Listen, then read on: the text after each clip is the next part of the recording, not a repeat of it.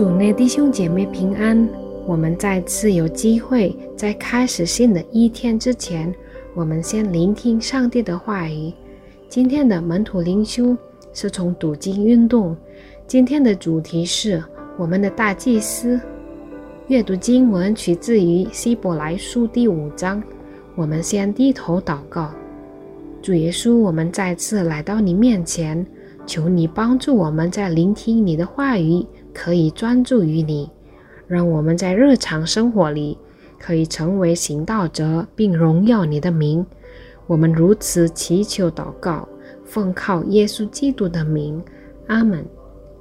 没有人能否认这世上的生活从来都没有脱离问题与困难。日复一日，我们在许多事上挣扎。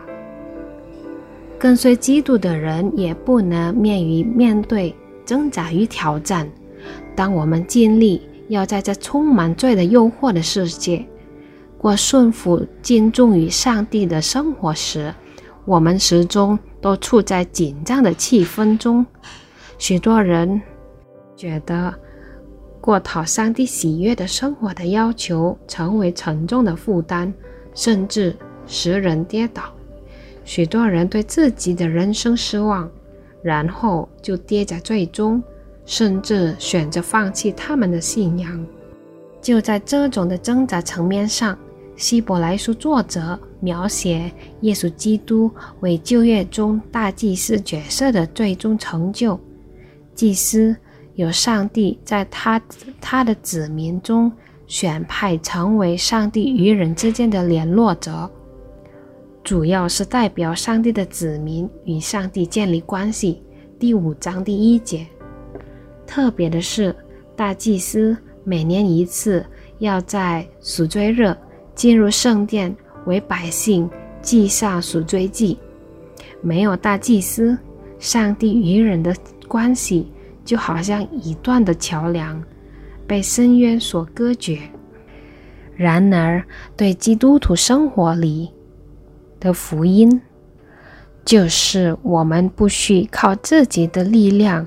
去努力奋斗，来讨上帝的喜悦。基督作为完美的大祭司，成为人时，也体恤我们的软弱。虽然他没有犯罪，第四章第十五节，他明白我们的挣扎，同时透过他在十字架上的赎罪大功，赎了我们的罪。当我们努力奋斗，去过我们的生活时，他明白，甚至感受我们所经历的试探。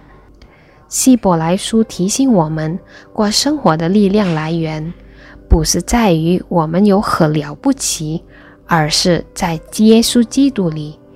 他是我们与上帝之间的联络者。我们唯一必须做的事，不依靠我们自己的努力量，而是来到他面前。他了解并关怀我们，在我们的软弱中有来自上帝的力量。正如他对使徒保罗说的：“我的恩典够你用的，因为我的能力是在人的软弱上显得完全。”哥林多后书第十二章第九节。当我们经历挣扎时，您是否？让自己习惯于来到基督面前。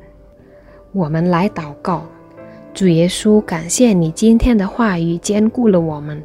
在生活上面对挣扎的时候，总会有你与我们同在，成为我们与上帝的联络者。我们常常靠自己的力量去行走，求你饶恕我们，让我们可以始终来到你面前，并重新得力。我们如此祈求，奉靠耶稣基督，我们的大祭司祷告，阿门。弟兄姐妹们，无论面对什么情况，我们要习惯于来到主的面前，向上帝献上感恩，因为他带领我们的生活，并恳求他赐给我们力量，过着讨上帝喜悦的生活。上帝祝福我们。